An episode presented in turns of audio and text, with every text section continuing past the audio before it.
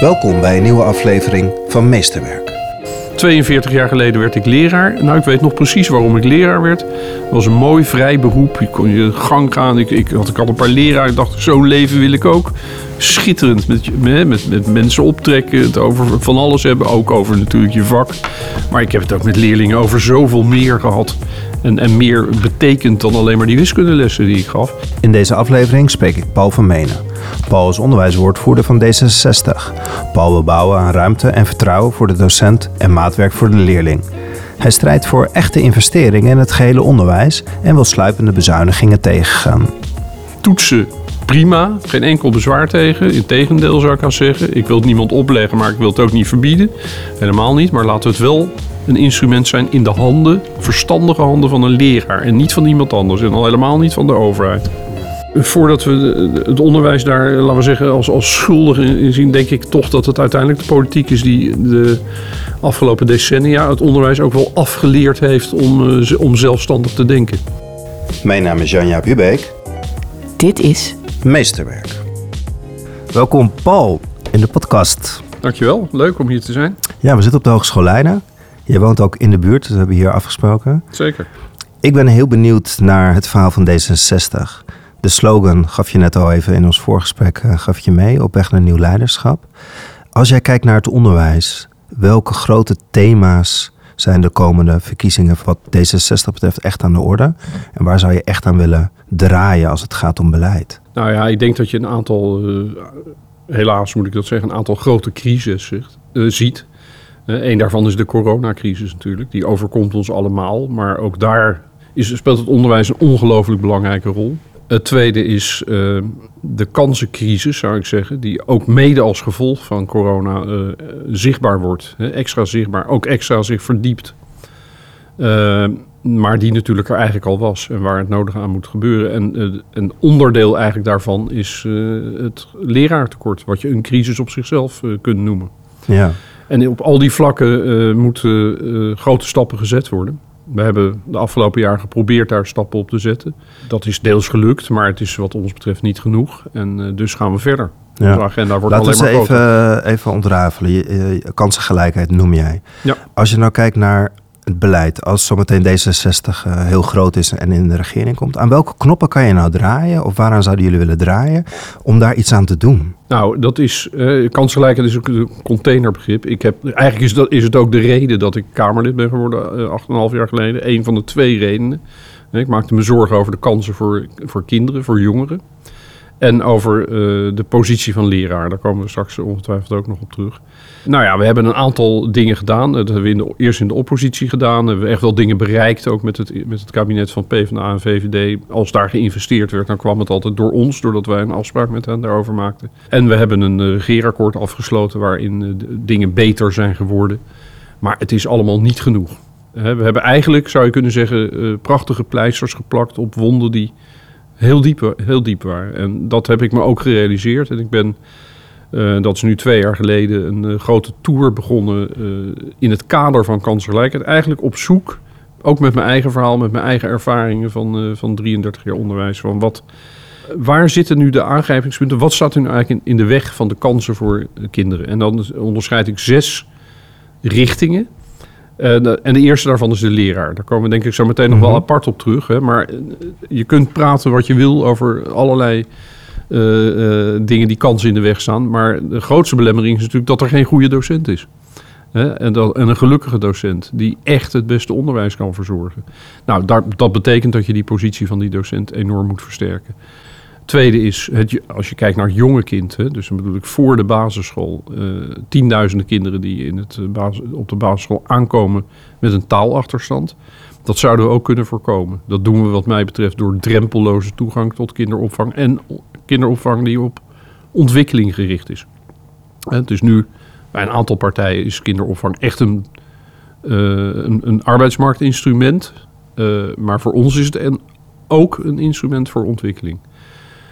Als je kijkt naar de basisschool, uh, dan zou je zeggen, nou ja, daar, hè, daar krijgen kinderen min of meer hè, hetzelfde aangeboden. Maar toch verdiept de kloof zich in die leeftijd. En dat komt vooral door wie je ouders zijn en wat ze je kunnen bieden buiten die school. sport, cultuur, natuur, huiswerkbegeleiding, noem het allemaal maar op. Voor de een is het vanzelfsprekend en, voor, en de ander heeft, krijgt het niet. En wat ik wil is een rijke schooldag voor ieder kind. Daar kan ik er een hele middag over vullen wat dat inhoudt. Maar dat betekent dus voor ieder kind sport, voor ieder kind cultuur, voor ieder kind de, de huiswerkbegeleiding die nodig is. Hè. Gewoon als onderdeel van ons publiek aanbod. Ook door, hè, eh, door een gratis buitenschoolse opvang die dat regisseert. Ehm, nou, dat is hè, dat, dan, dan kom je aan het eind van die basisschool, ga je naar het voortgezet onderwijs en dan hebben we een selectiemoment. Nou, er is nergens eh, ter wereld, wordt er zo vroeg geselecteerd als in Nederland. is ook evident slecht voor kinderen. Hè? En, dan, en, en waarom doen we dat eigenlijk? Omdat dat voortgezet onderwijs een soort schoolbak is. Hè, je, er, moet, er moet een oordeel over kinderen geveld worden. En dan nog bij voorkeur, of bij voorkeur in ons systeem op basis van wat je niet kan. En dan ga je een van die gleuven in en daar kom je eigenlijk de rest van je leven niet meer uit. Dat is veel te vroeg. Het is ook onnodig.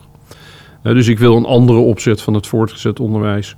Voor kinderen die dat nodig hebben. Veel meer ruimte. een eh, systeemverandering? Of Nou, ik dat- wil vooral ruimte. Ik wil niet een systeem. Kijk, ik, ik- eh, leraren willen het beste voor kinderen. Nou, dat neem ik als uitgangspunt. Daar heb ik heel veel vertrouwen in. Maar we moeten het zowel veel meer mogelijk maken. En, eh, dus ik wil vooral dingen mogelijk maken. Schotten weghalen, onnodige hindernissen wegne- wegnemen. Maak er iets Verkeerde prikkels. Nou ja, bijvoorbeeld. Hè, eh, er is in Nederland een, een, een beweging gaande in het voortgezet onderwijs naar steeds meer categorisering. Dus eigenlijk zijn we dus steeds meer apart. Iedereen in zijn aparte hokje. In, in ons systeem, ook in onze financiering zit dat. Maar, en ook in, laat we zeggen, er zit geen prikkel om dat anders te doen in ons systeem. En dat zou je wel kunnen doen. Je zou een positieve prikkel ook in, ook in financiële zin- kunnen geven voor scholen die kinderen de kans geven om te groeien, om zich te ontwikkelen. Die bereid zijn om maatwerkdiploma's eh, aan te gaan bieden. Dan moeten we dat als overheid ook mogelijk maken. Nu zit je voor alles wat je doet in het voortgezet onderwijs, word je geacht dat op hetzelfde niveau te doen. Dat kan ook anders. Je kunt daar ook veel meer variatie in aanbrengen, veel meer op de maat van het kind. Ja, ik moet dan meteen Ja. denken aan de brede scholen. Ik moet denken aan een Agora-beweging die, die door het hele Nederland eh, opkomt. Eh, de Taskforce Ontwikkelingsgericht Onderwijs, die uit, uitgaan van die ontwikkeling van het kind. Ja. Die van 0 tot 18 denken en niet meer die harde knip. En zeg je dan eigenlijk, we gaan dat soort bewegingen gaan we, eh, versterken. Gaan we de ruimte geven. Je ziet waar Agora, Agora nu strandt. Hè? Want ik ben natuurlijk, ik ken het ook, ik ben er ook geweest. En dan zie je eigenlijk dat dat na de onderbouw houdt het op. Want dan kennen we het examen zoals dat nu, we dat nu kennen. En dan moeten we eigenlijk weer gewoon gaan doen. Hè, maar je zou ook kunnen zeggen, zet dat voort. Die, eh, en ik zeg niet dat dat allemaal zo moet. Maar ik wil er de ruimte voor geven. En, Ja. en, en een heleboel. In, binnen ons systeem is het, is het gewoon niet eens mogelijk om het, eh, om het te doen. En dat geldt eh, voor veel meer. Bijvoorbeeld, hè, andere invalshoek is de combinatie van onderwijs en zorg. Heel veel kinderen in dit land hebben extra zorg nodig. Gewoon om medische redenen soms. Of, of, dat, of, vanwege een andere beperking. Nou ja, je, eh, je kent ook de hele drama's rond passend onderwijs. Eh, Het is eigenlijk, ik heb het ook vanuit, vanuit zelf meegemaakt, de opkomst daarvan. Eh, toen ik zelf nog in het onderwijs werkte als, als rector en als bestuurder. En je zag gewoon dat het een, eigenlijk een, een- geldgedreven bestuurlijke operatie was. Waar leraren eigenlijk nauwelijks eh, invloed op hadden, ook geen rol kregen. Ook ouders werd hun rol volkomen ontnomen, hè, waar ze voorheen nog degene waren die het rugzakje van hun eigen kind in handen hadden en daarmee invloed op wat er gebeurde, was hun invloed weg. Dus je ziet heel veel conflicten daar ook uit ontstaan, uit die ongelijkheid tussen school en ouder. Nou, ik zeg, eh, we hebben dat nu geëvalueerd, hè, laten we daar een nieuwe richting kiezen. En dat is wat mij betreft richting inclusiviteit. Dat zegt ook de onderwijsraad, dat zeggen andere partijen. Dat is een hele lastige. In ons verhaal, er is niets in de visie die ik geschreven heb naar aanleiding van die scholenreis. Wat, waar, waar het beginpunt zo ver afstaat van wat je wil bereiken. Want wij zijn juist niet een inclusief Ja. gericht onderwijs. Er zijn wel scholen in Nederland die dat doen. Ik ben nog eh, vorige week met Sigrid Kaag op de Kroevendonk in Roosendaal geweest. Maar je hebt ook de, de klas op wielen in Alkmaar. Dat zijn scholen die daar echt voor kiezen. En dan, dat is die te- staan ook tegen de wind druk, in. hè? Die staan dat is, te- dat is druk. tegen alle, Ja. alle druk in. Het is een Ja. enorme tegenwind. Dus je moet ontzettend gemotiveerd team Ja. hebben. Gemotiveerd Maar jij zegt D66 die gaat, ons, gaat zich hard maken om dit soort scholen en deze bewegingen te versterken Zeker. en die ruimte te geven. die ruimte te geven. En ook de middelen natuurlijk. Hè. Wij, wij hebben vorige week een, eh, een plan gepresenteerd eh, van 10 miljard euro eh, structureel jaarlijks erbij voor onderwijs in de volle breedte. Eh, hè, dus van de, van, de, van de kinderopvang tot en met eh, de hogescholen en de universiteiten, het mbo. Eh, maar daar zit dit in. Hè? Want je kunt natuurlijk allemaal prachtige ideeën hebben. Maar hè, ook inclusief onderwijs, dat kost iets. Het levert over ontzettend veel meer op. Hè? Mhm. ook alleen, al- alleen al investeren sowieso in de jongste kinderen. Ik heb gisteren bij een, bij een debat gezegd... de jonge kinderen verdienen de rijkste schoolomgeving. De rijkste leeromgeving. Nou, dat is niet zo. Het is bijna omgekeerd in ons systeem. Terwijl nergens renderen euro's zo goed als bij de jongste kinderen. En dan Dus- toch even terug naar, die, Ja. naar, naar jullie slogan. Want je, je zegt iets belangrijks. Om die scholen de ruimte te geven, is daar dus ook ander leiderschap nodig. Er is durf nodig, er is lef nodig om dit anders te doen. Eh, zeker bij deze scholen die, dat, die inclusief kijken. Daar, daar zijn jullie vrij expliciet ook over, over die schoolleider. Welk leiderschap is nodig in, Klopt. in, in, Nou ja, in de kijk, toekomst? Ja, het kijk, als, onderwijs. we- als het over onze slogan gaat, dan gaat het natuurlijk toch vooral dat wij Sigrid Kaag in dat torentje willen ik, hebben. Maar. Maar maar, als je dat hebt kijkt in gelijk, het je hebt onderwijs- gelijk, in ons verhaal zit, gaan we eigenlijk die school als eenheid herontdekken. Die zijn we helemaal kwijtgeraakt, die basisschool op de hoek van de straat. Die gaat ten onder in een groter geheel. Eh, de beslissingen worden ergens anders genomen. En we moeten daar naar terug. Want de inspectie heeft ook in eh, zijn rapporten aangetoond... en iedereen die in het onderwijs werkt, die weet het... de kwaliteit van onderwijs wordt daar bepaald. En niet op een bestuurskantoor en ook niet op een ministerie... of in de vergaderzaal van de Tweede Kamer. Daar gebeurt het. En daar moet dus ook veel meer zeggenschap weer naartoe. En ik zeg dus ook, ook het geld moet daar naartoe. We willen allemaal dat het geld in de klassen bij kinderen en bij leraren terechtkomt. Maar we brengen het er niet. We brengen het naar samenwerkingsverbanden, naar besturen. Hoe doorbreek je dat? Nou ja, door een, wet, door een wet te maken. Ik ben bezig met die wet. Dat is een hele ingewikkelde wet. Want onze hele wetgeving is totaal ingericht op besturen. Dus eigenlijk, de- Ja. als wij iets willen zeggen hè, via de inspectie over de kwaliteit van de school... dan gaan we niet naar die school, maar dan gaan we naar de bestuurder. En dan zeggen we, nou, we hebben, uit onze cijfers blijkt dat het daar niet goed is. Wilt u zo vriendelijk zijn om dat even op te lossen? En je ziet ook dat bestuurders van meerdere scholen... da- Daar is de ene school is excellent en de andere is zeer zwak. En het is wel dezelfde bestuurder. Dus die kwaliteit die hangt heel erg samen met dat team daar en met die schoolleider. En dat moet je, eh, die moet je dus veel meer zeggenschap geven. Veel meer tijd ook. Dat is heel erg belangrijk. Leraren in het, met name in het funderend onderwijs, basisonderwijs, voortgezet onderwijs, hebben veel te weinig tijd voor hun eigen ontwikkeling. We moeten dus ook gewoon durven zeggen dat ze minder lesuren moeten gaan geven. Er is geen land ter wereld waar leraren zoveel les geven. En het gaat niet om de kwant- kwantiteit, het gaat om de kwaliteit. En zij moeten dus ook zichzelf en hun onderwijs kunnen ontwikkelen. Dus daarom zeg ik eh, terug naar school, herontdek de school waar je 's ochtends je kinderen of je kleinkinderen naartoe brengt. Daar gebeurt het, daar moet ook de zeggenschap liggen en de ontwikkeling. We slaan de bestuurder over. We gaan leiderschap teruggeven aan de, aan de, aan de directeur, aan de schoolleider. Die, Aan de die leraar richting- ook. Aan de leraar. Ja, wat vraagt het van de leraar? Nou, wij, wij vragen al heel veel van leraren, maar we moeten eerst iets bieden. En dat is, en dat is vertrouwen, ruimte. Dat is, dat is eigenlijk Kleine twee, klassen, twee kleine, kleinere klassen. En dat, dat, dat dient meerdere doelen. Er zijn echt wel onderzoeken. Het die wordt vaak aangehaald om onderuit te halen dat kleine klassen zouden werken. Want daar neemt de kwaliteit van onderwijs niet door toe. Nee, natuurlijk, ik, word niet een, ik ben niet een betere leraar voor een klas van 30 of van eh, 20. Maar ik weet wel hoe het veel effectiever is. Hè? En hoe ik veel meer aandacht aan een individueel kind kan schenken als ik in een klas van 20 werk. Hè? Dus denk ook aan die weg naar inclusiviteit. Daar werkt dat ook bij. Kleinere klassen. En het werkt ook in de aantrekkelijkheid gewoon van het beroep. Hè? Want we willen gewoon heel veel goede leraren hebben. Ja. Mensen die voor dat prachtige beroep... eh, we hebben het allebei eh, eh, uitgebreid gedaan. we weten hoe mooi het kan zijn. Nou, dat wil ik weer terug. En ook die vrijheid. Ik werd 42 jaar geleden werd ik leraar. Nou, ik weet nog precies waarom ik leraar werd. Het was een mooi vrij beroep. Je kon je gang gaan. Ik, ik, had, ik had een paar leraren. Ik dacht, zo'n leven wil ik ook. Schitterend. Met, met, met mensen optrekken. Het over van alles hebben. Ook over natuurlijk je vak. Maar ik heb het ook met leerlingen over zoveel meer gehad. En, en meer betekend dan alleen maar die wiskundelessen die ik gaf. Nou, dat wil ik. Daar wil ik de ruimte voor hebben. En samen met je collega's. Dat onderwijs ontwikkelen. Nou, dat is eigenlijk langzaam maar zeker weggehaald bij die leraren. Die overheid is zich mee gaan bemoeien. Besturen zijn zich ermee gaan bemoeien. Iedereen bemoeit zich ermee.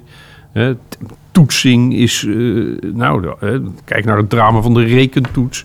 De 1040 uren norm, dat soort gekke, gekkigheid uit Den Haag. Ik heb het gelukkig, het klinkt wat onbescheiden, maar hoogstpersoonlijk eh, weten te slopen. Maar het is echt, echt Taai. heel erg weghalen van verantwoordelijkheden bij leraren. En toch zit er volgens mij toch ook veel ruimte bij leraren en bij schoolleiders. Maar is er niet altijd de durf en de lef om het anders te doen? Want hoe kijk je dan bijvoorbeeld tegen de bestuurders aan van levend onderwijs die nu zeggen van stop met die toetscultuur? Vind je dat een goede beweging? Dat nou, die... ik, ik kijk, toet, ik bedoel, als, ik, ik, ben, ik ben niet een tegenstander van toetsing. Het kan mij als leraar helpen om te weten hoe het staat, het, hoe je ervoor staat. Het kan, mij, het kan de eh, leerling of de student kan het natuurlijk helpen. Maar het moet wel, je moet er wel eigenaar van zijn. Eh, en, en, en het moet niet oneigenlijk gebruikt worden. We hebben eh, bewegingen gezien, ook in de politiek, dat bijvoorbeeld de eindtoets van het basisonderwijs gebruikt ging worden om de kwaliteit van een school af te meten. Als, het is natuurlijk echt wel fijn als je zoiets zo makkelijk kan meten. Eén getalletje en je weet precies wat voor school het is. Nou, iedereen die in het onderwijs werkt, die weet natuurlijk dat dat totaal niet waar is. Je moet, eh, het zegt helemaal niets over de kwaliteit van je onderwijs. Dat kan je, daar kan je pas iets van zeggen als je weet wie, wie zit er op die school, wat is hun uitgangspositie. eh, nou, afijn, duizenden dingen moet je weten, eh, nog los van wat we daar aan het meten zijn, dat is taal en rekenen. Super belangrijk natuurlijk, maar er zijn nog meer dingen die kinderen leren op een, eh, op een basisschool. Dus met andere woorden, toetsen prima, geen enkel bezwaar tegen. Integendeel zou ik aan zeggen. Ik wil het niemand opleggen, maar ik wil het ook niet verbieden. Helemaal niet, maar laten we het wel een instrument zijn in de handen, verstandige handen van een leraar en niet van iemand anders. En al helemaal niet van de overheid. Om dat te kunnen gaan verwezenlijken hebben we meer leraren nodig.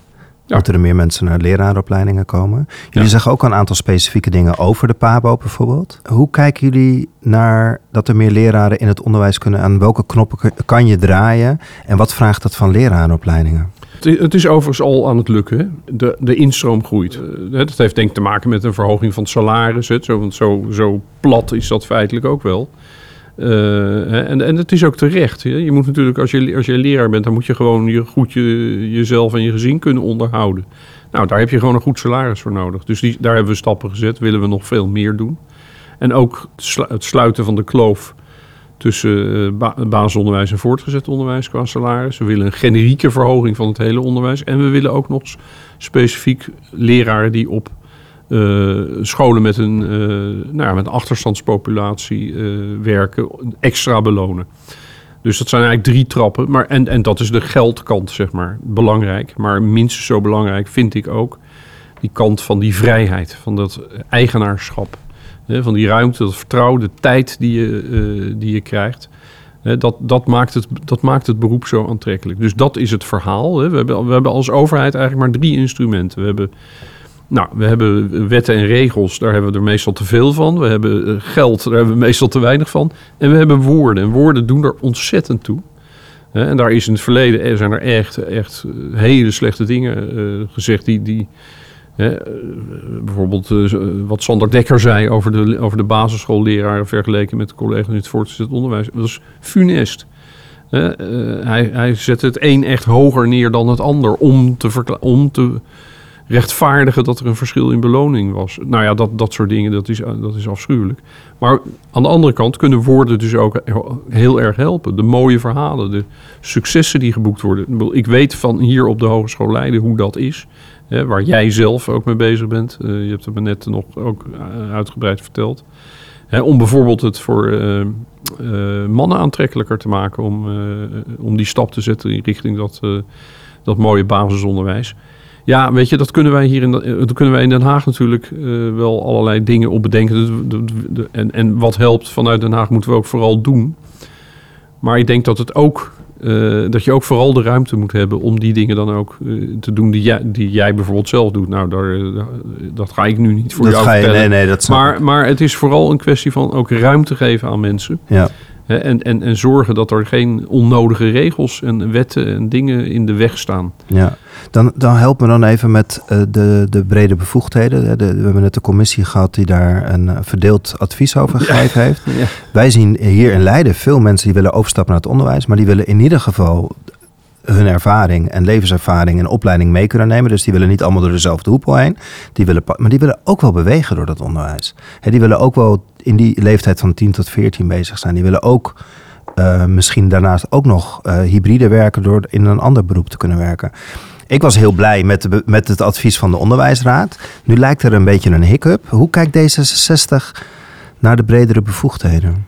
Eh, ik vind bevoegdheid heel belangrijk. Hè. Ik bedoel, die hele discussie over bevoegd en bekwaam. Ik ken hem ook natuurlijk. En, en ik heb ook mensen zonder bevoegdheid uitstekend zien functioneren. Maar toch zeg ik, een bevoegdheid is, eh, is goed. En hij moet ook waardevol zijn. Ik denk niet dat je. Dat, dat is één. Twee, eh, dat bewegen, dat vind ik ook belangrijk. En ook over de sectoren heen. Ik heb zelf als rector bijvoorbeeld. heb ik best veel ervaren mensen uit het basisonderwijs aangesteld om uh, in de onderbouw uh, van het VO te werken. Met heel veel succes. Hè? Ook vanuit de gedachte, die zijn heel goed in differentiëren. Ze zijn breed. Hè? Ze, Coachend sterk. Ik vind zelf dat de bevoegdheden-discussie heel erg weg moet blijven van de politiek. Kijk, wij moeten uiteindelijk mogelijk maken wat eruit komt. Maar ik vind het, ik vind heel erg jammer dat het niet gelukt is om hier een breed advies uh, te krijgen. Een gedragen advies door alle partijen. Ik vind sowieso dat, dat de opleiding van leraren vooral door leraren moet gebeuren. In de zorg is de opleiding van de beroepsgroep is feitelijk in handen van de beroepsgroep zelf. Dat is in Nederland niet zo. Het, is hier in handen van anderen. Laat ik er niet ja. lang bij stilstaan. Daar kunnen we bewegingen maken. Maar ik vind dat er enige gepaste afstand moet zijn van de politiek. Ik vind het vooral een discussie in het veld zelf. En ik kan me bij alle argumenten iets voorstellen. Hè, want natuurlijk, hè, ik ben een, uh, een wiskundeleraar. En ik, ik zou willen dat uh, als iemand wiskunde krijgt in uh, 5 HAVO of, of, waar dan ook. of op een hogeschool, dat je dan iemand hebt die begrijpt wat wiskunde is en die, die daarboven staat. Dus ik, dat vind ik een, wezenlijk element, je vakkennis. maar er moet natuurlijk ook didactische kennis zijn. Er zijn veel overeenkomsten tussen, tussen leraren in verschillende sectoren in wat ze moeten kunnen. Maar er zijn ook hele grote verschillen. Ik heb zelf in bijna alle sectoren gewerkt, behalve het basisonderwijs. Nou, ik weet niet of ik dat, of ik dat goed zou kunnen. Dat durf ik gewoon niet te zeggen. Ik kan een Pippi Langkous-achtige tekst hier aan vastknopen van ik nooit geprobeerd, dus het zal wel lukken. Maar dat weet ik niet. dus ik aarzel ook een beetje om te gaan naar een systeem waarin je zo'n beetje allemaal wel bevoegd bent over in alle sectoren. Nou, dat is ook niet de opzet van het advies uh, geweest.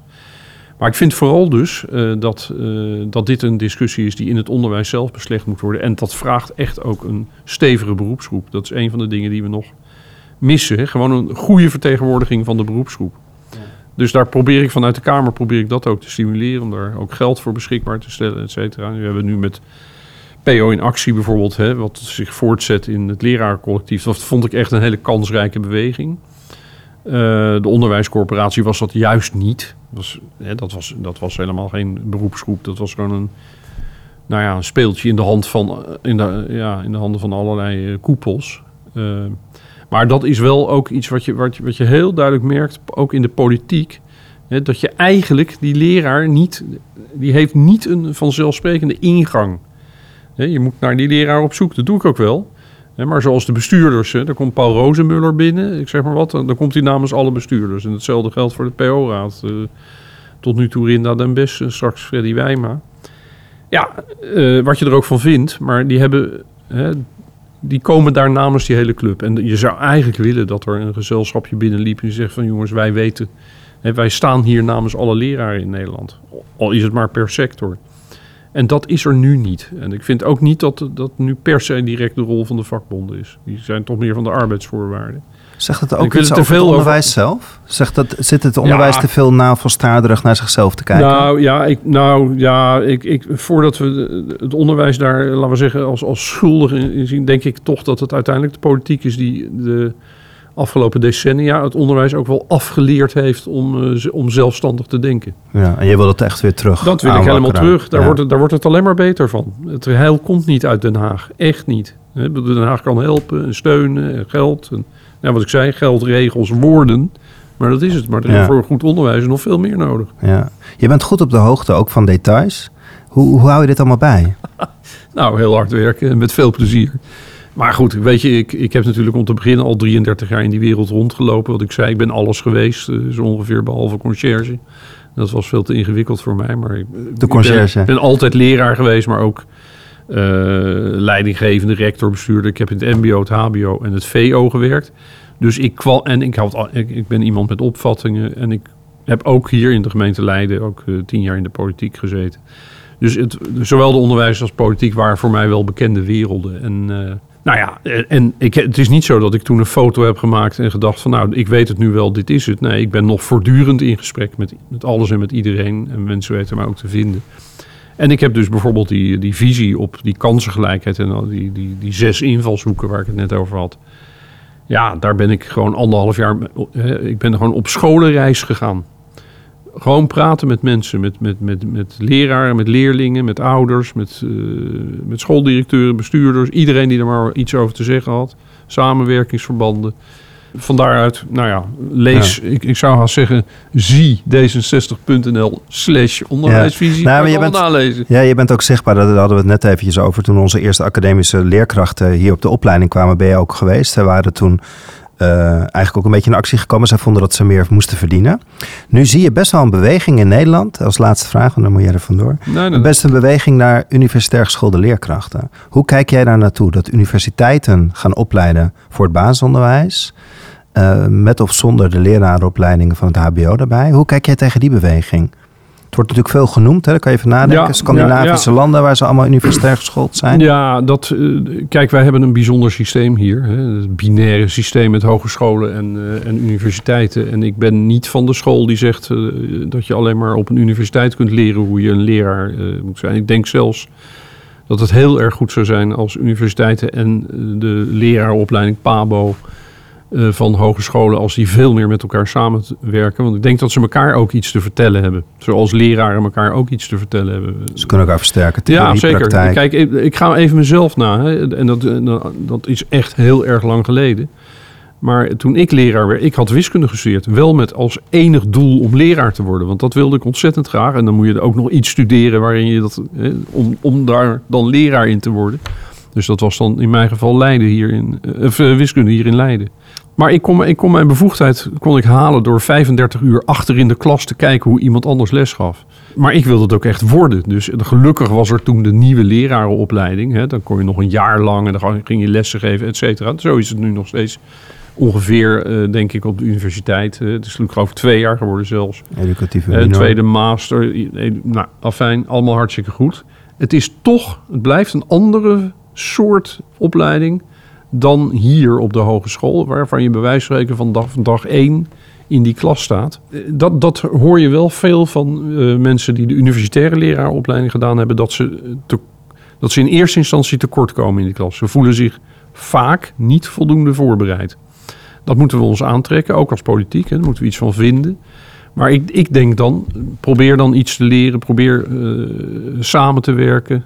Hè? Misschien op de inhoud kan, de, heeft de universiteit eh, iets te bieden, maar samenwerking helpt volgens mij altijd heel erg goed. Je zegt niet dat die mensen nodig zijn in het onderwijs. Want het lijkt me juist Sorry, voor welke mensen? de, de universitair geschoolde mensen die juist met die, met die onderzoekende houding in die school komt. Werkt iets, werkt iets niet? Als je het hebt over Nou, AVA ik- scholen, over brede ontwikkeling van kinderen, is het wel ontzettend fijn als dat goed gemonitord en geëvalueerd wordt. En Helemaal eens. Nee, maar ik, ik- dat- bedoelde ik niet te zeggen. Ik, het ging mij er nu eerst... eh, om de praktijk even in de klas. Hè, dat ik niet zeg van leid iedereen op de universiteit op. Wat ik wel zeg, dat heb ik hiervoor al gezegd.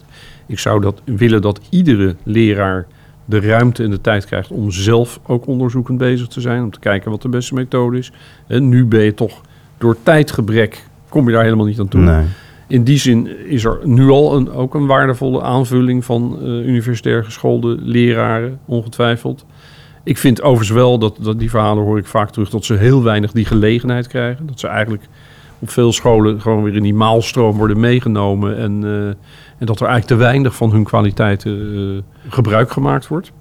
Dus daar is denk ik ook nog wel iets te verbeteren. Ze hebben natuurlijk ook echt iets te bieden. Maar Ja. goed, iedere, eh, mensen hier op op leiderschap maar- eigenlijk. Hè? nou ja, dat is ook zo. Hè? Ja. Je moet het ook, je moet ook, ook, al- ook als bestuurders, hè, bestuurders, eh, schoolleiders, moeten ook de ruimte durven geven aan leraar. We kunnen niet alleen maar vanuit Den Haag vertrouwen uitspreken. Maar we moeten dat ook, eh, dat moet ook op die school gebeuren. Leiderschap en vakmanschap. Dankjewel voor dit gesprek. Ja, graag gedaan. Dankjewel. Audiocollectief Meesterwerk takt de komende periode de landelijke verkiezingen van 2021 in. Want wij denken dat er voor het onderwijs echt te kiezen is. Meer podcastafleveringen van Meesterwerk zijn te beluisteren via Spotify, iTunes, Soundcloud of kijk op janjapubeek.nl. Je kunt deze aflevering een duimpje of een aantal sterretjes meegeven, zodat meer mensen deze podcast makkelijker kunnen vinden. Hoe dan ook, tot de volgende aflevering van Meesterwerk.